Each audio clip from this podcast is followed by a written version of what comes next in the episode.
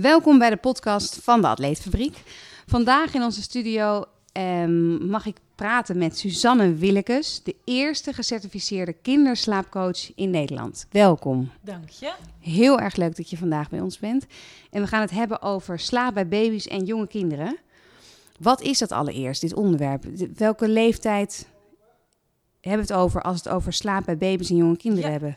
Nou, ik, eh, ik coach in mijn praktijk eh, baby's en kinderen tussen de zes maanden en de zes jaar. En waar dat mee te maken heeft eigenlijk, is dat baby's in die eerste weken, maanden na de geboorte, ehm, ja, fysiek, mentaal en neurologisch nog niet klaar zijn voor eh, enige vorm van, van coaching. Dat heeft alles te maken met, eh, met die ontwikkeling. En tot zes jaar, dat zijn eigenlijk een beetje de, de jaren waarin je ehm, de gedragsverandering kan laten plaatsvinden. Want slapen is een, eh, een aangeleerde vaardigheid. Dat is voor heel veel ouders een, eh, een eye-opener. Dus je zou denken, nou ja, slaap heeft ieder mens, ieder kind, iedere baby ehm, heeft slaap nodig. Dat gaat dan wel vanzelf. Nou, zo simpel ligt dat heel vaak niet. Ehm, en ehm, het is wel iets wat kindjes kunnen leren. Dus onafhankelijk van de hulp van ouders hè, zelf in slaap vallen en uiteindelijk eh, de nachten doorslapen. Daarnaast is het natuurlijk ook nog belangrijk, ja, wat, hè, wat is een probleem? Wat is nou doorslapen precies? Dat is natuurlijk ook, eh, ook vaak de vraag. Nou weet, eh, medisch gezien bijvoorbeeld, hè, kan een, een, een baby van eh vier tot vijf maanden, vijf tot zes uur aaneengesloten slapen zonder voeding. Kan een baby van zes maanden in beginsel acht, negen uur zonder voeding doorslapen. Dus het is, de, term betekent, hangt ook af van, van leeftijd. Maar het goede nieuws is, als het gedragsmatig is, dus er geen hè, medische onderliggende oorzaken een rol spelen bij slaap, is het dus te leren. Valt het dus te leren. En ehm, dat is precies wat ik doe. Het is dus aan te leren. Dat is een Ja. groot verschil met wat ik oorspronkelijk dacht. Ja, Dat slaap gewoon een gegeven is en dat doorslapen de norm is. Ja. Maar dat is dus zeker niet het geval. nee, zeker niet voor hele, hele jonge baby's. Hè. Nee, er zijn natuurlijk baby's die een paar weken na de geboorte die dat al wel kunnen en sommige niet. Maar dat is dus niet gek. En eh, het is ook wel belangrijk om realistische verwachtingen eigenlijk te scheppen. De, de wereld is tegenwoordig natuurlijk zo maakbaar, eh, zo vorm te geven dat ja, heel veel ouders ook denken: hé, ik ga weer werken, ik moet nu echt beter slapen, dus mijn kind moet daar mee. Dat, dat gaat gewoon niet altijd. Maar het is ook weer niet zo dat je hoeft te zeggen: ehm, ja, het hoort bij kinderen krijgen, hoort er nou eenmaal bij. Ze gaan een keer doorslapen als ze eh, puber zijn, weet je wel. Nee, je kan natuurlijk eerder ehm, daarin heel veel eh, positiefs eh, teweeg brengen. Ja, En laten we eerlijk zijn, slaap is natuurlijk de, de basis van een goede gezondheid. het fundament Dus voor je het energie. is geen overbodige luxe. Dus Nee, ik zeg ook vaak tegen ouders die, eh, die ehm, op een punt staan te gaan coachen. Van ja, weet je, het is, het is een, ehm, een investering in jezelf, in je gezondheid. En geen overbodige luxe. Je hebt het gewoon nodig om ja, goed te kunnen functioneren. En Precies. gezond en gelukkig mens ja, te zijn. een fijn mens Ja, blijven. Ja, want en een leukere vader en moeder, hè? Laten Ook we dat, dat, ook eerlijk ja. stellen, toch? absoluut. Ja, een lontje wordt er niet langer op. Nee, in tegendeel. Want hoe ben jij bij dit onderwerp betrokken geraakt? Ja, ik, ik heb dus eh, ervaring zelf. Daarom ben ik uiteindelijk ook eh, dit werk gaan doen. Eh, ik heb zelf drie kinderen. De oudste is inmiddels bijna tien. En dat was dus ook eigenlijk de, de grootste nachtbraker van de drie. Eh, die heeft de eerste anderhalf jaar van zijn leven heel slecht geslapen en veel gehuild. Dus wij zaten echt wel met de handen in het haar. En het was een hele heftige periode die ook effect heeft gehad ja, op ons, hè, eh, op ons als persoon, onze relatie, eh, het functioneren op werk en ehm, op onze fysieke en mentale gestel. Ik heb ook een postnatale depressie ontwikkeld na, de, na de geboorte. Heftig. En eh, ja, een hele heftige periode. Ehm, dus je, je, ik weet als geen ander waar ouders die ik coach doorheen gaan en wat het oplevert weer als dat verbetert. Dus ik zie heel veel ouders om een voorbeeld te geven waarbij een van de twee in een, eh, in een burn-out zit. Of tijdelijk gestopt is met werken omdat de situatie niet houdbaar is. Heel veel last van chronische pijn in de rug, hoofdpijnen. ehm, meerdere ouders die al eh, op een bepaald moment de auto aan de kant of op de vluchtstrook hebben moeten zetten. Omdat ze hun ogen niet open konden houden of omdat ze paniekaanvallen kregen. Dus maar, maar een, echt een kleine greep hoor. Uit, eh, uit de vele Maar klinkt wel heel heftig, ik, ja, ja. heb gecoacht. Dus eh, ja. ja, dat is, dat is zeker geen overbodige luxe om Nee, dat- daarbij stil te staan en eventueel aan te pakken. ja, nee, dat ben ik helemaal met je eens. Want slaap is natuurlijk ook een ontzettend gewild onderwerp. Dat merken wij ook in het, eh, in het voeren van gesprekken met bedrijven. Ja. Dat eh, we weten wat, sla wat de basis van goede nachtrust zou moeten zijn. Wat Ja. je ervoor moet doen. Minder koffie, minder schermtijd. eh, andere voeding of bepaalde voeding. Minder alcohol. Eerdere zo- bedtijd ook vaak. Ja, eerdere bedtijd inderdaad. En wij denken ook heel veel dingen in control te hebben. Dus dat we daar de hand in hebben. En dan is dat met kinderen natuurlijk weer net niet het geval. Nee, dan ben je wat vaker overgeleverd aan de slaapgrillen van je baby of kind. Precies, en dat, dat herken ik natuurlijk Ja. van eh, Max. Bij ons is net één en wij hebben eh, vannacht en de nacht daarvoor een hele korte nacht gehad. Helemaal niet erg. Ehm, maar hij zit duidelijk in een sprongetje en heeft ook iets onder de leden. eh dus Ja. niet helemaal fit. Dus daar heb je gewoon de dag daarna mee te dealen. Dus als uiteindelijk een, een, een virus of wat dan ook is, natuurlijk dat kan voorkomen. Maar ehm, een kind wat niet doorslaapt, of nou ja, niet doorslapen, gewoon een, een gebroken nacht oplevert e- eh, in een rij, zeg maar. Mhm.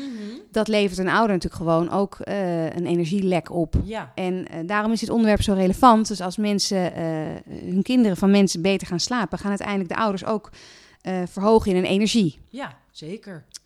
En wat is nou een goede nachtrust? La- laten we eens bij de basis beginnen. Want we vinden doorslapen, ik hoor wel eens vriendinnen die hebben het over kinderen die tot acht uur slapen. Nou, dat is bij ons absoluut niet het geval. Half zeven is het.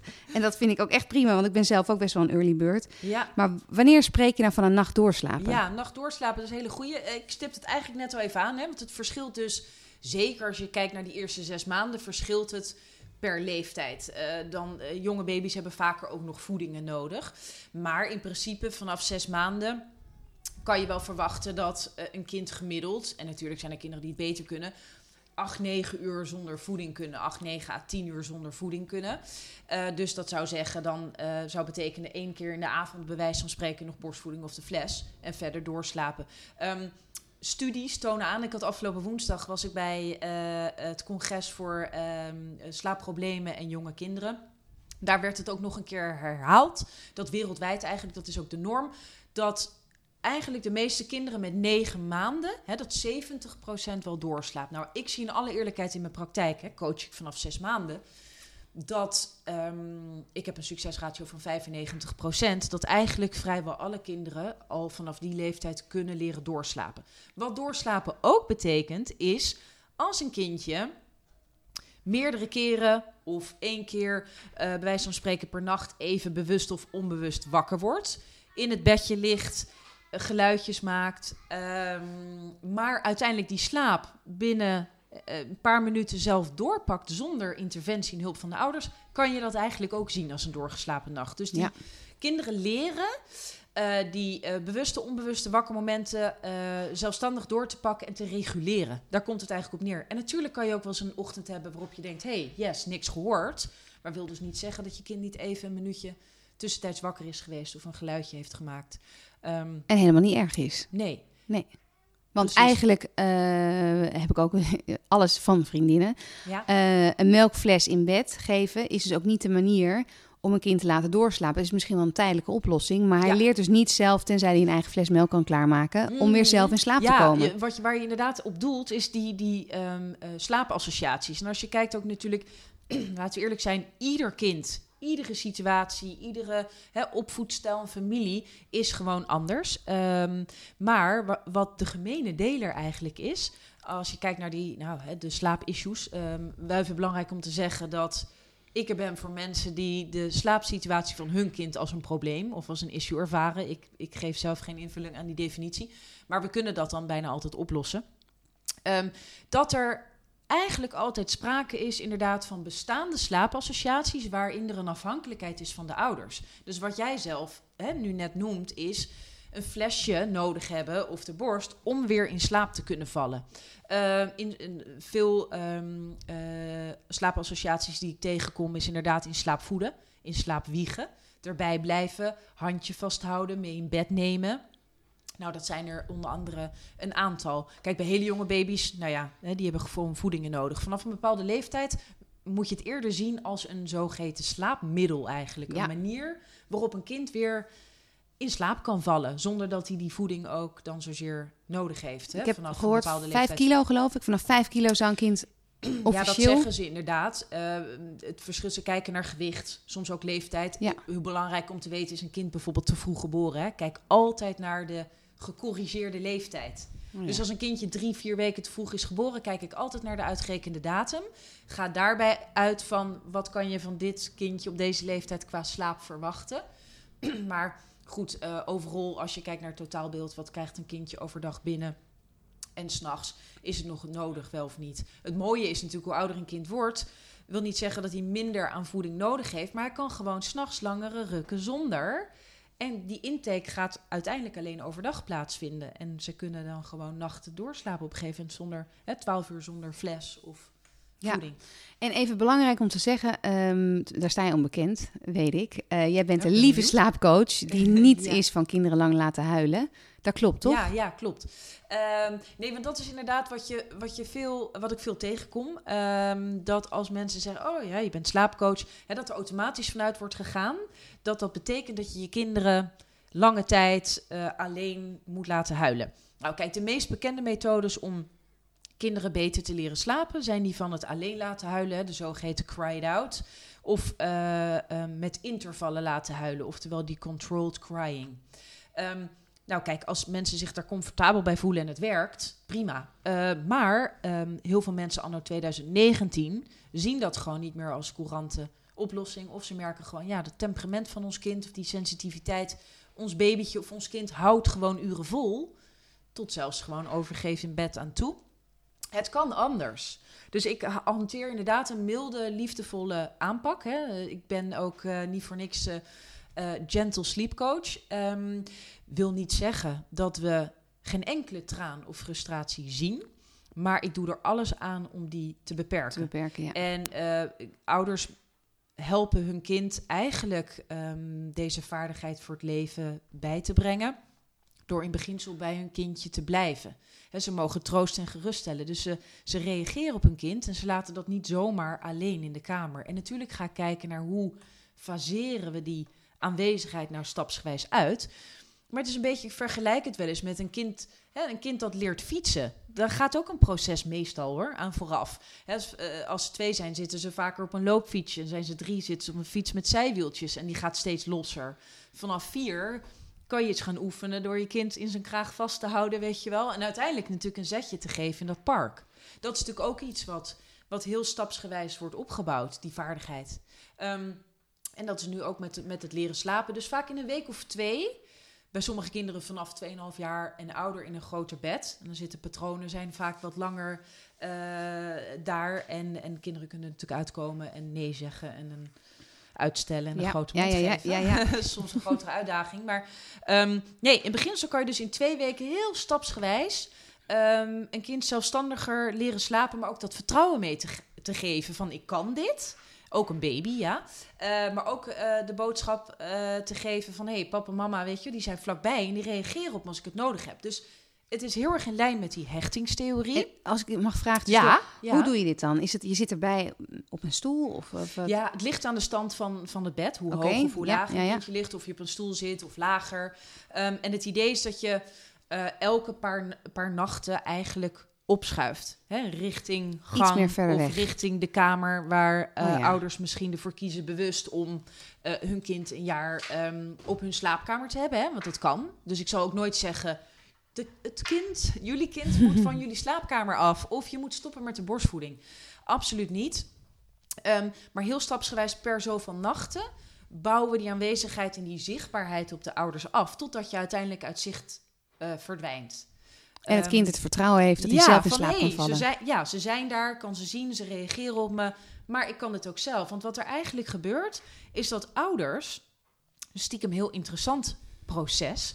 eh, is dat ouders gaan zien... oké, wat gaat mijn kind nou doen... in plaats van eh, de slaapassociatie van eh, op of naast ons liggen... of de borst of de fles of het wiegen.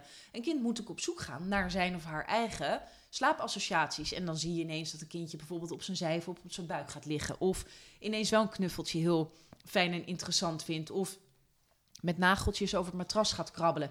Dus ze gaan op zoek naar eigen manieren om zichzelf te kalmeren en in slaap te vallen. Maar wel op een ja, wat liefdevollere manier. Daarnaast wil ik ook meteen zeggen dat ehm, ik ook nog naar het totaalplaatje kijk hoor. Dus ik kijk ook hoe kunnen we de kwaliteit en de kwantiteit van die slaap verbeteren. En hoe kunnen we het eh, specifieke kindje fysiek in staat stellen zo'n goed mogelijke nacht te maken. Dus ik kijk ook naar slaap overdag, naar bedtijd, naar wakkertijden, et cetera. Dus het is, het is als het ware een, een totaalverhaal wat dan de situatie eh, in positieve zin doorbreekt. Ja, ja, en ik kan me toch wel voorstellen dat het echt een enorme opluchting is als je door middel van jouw boek of jouw persoon of jouw team hier toch een verbetering in zou kunnen krijgen. En Ja. wij ronden eigenlijk iedere podcast ook af met welke tips eh, zou je meegeven voor mensen Ja. die met dit onderwerp morgen of vandaag eigenlijk al Ja. eh, aan de slag zouden willen. Heel klein, wat zou een praktisch iets zijn? Nou, ik denk sowieso wat ik net noemde, wat best een belangrijk inzicht is, denk ik, dat, het, dat een kind dit kan leren. Mhm. Eh, dat het niet hoeft te betekenen dat het heel hard en lang moet huilen. Dat het helemaal niet gek is als het inderdaad de eerste weken, maanden na de geboorte dat nog niet kan. Ehm, dus dat heel veel ouders zijn daardoor al gerustgesteld. Wat heel belangrijk is. Want je wil ook niet eh, super gespannen en gestrest ermee omgaan. Ehm, dat daarnaast, kijk, als je wil kijken naar verbetering van de slaap van je kindje, weet dan in ieder geval, en dat is ook, wordt vaak eigenlijk andersom gedacht, dat een, een eerdere bedtijd s'avonds bij baby's en jonge kinderen eh, in beginsel eigenlijk leidt tot een betere nacht. En dus niet per se tot een slechtere nacht en een vroegere ochtend. Ehm, kindjes hebben nog over het algemeen, natuurlijk zijn er uitzonderingen, want er zijn ook kinderen inderdaad die gewoon tot 8, 9 uur kunnen uitslapen.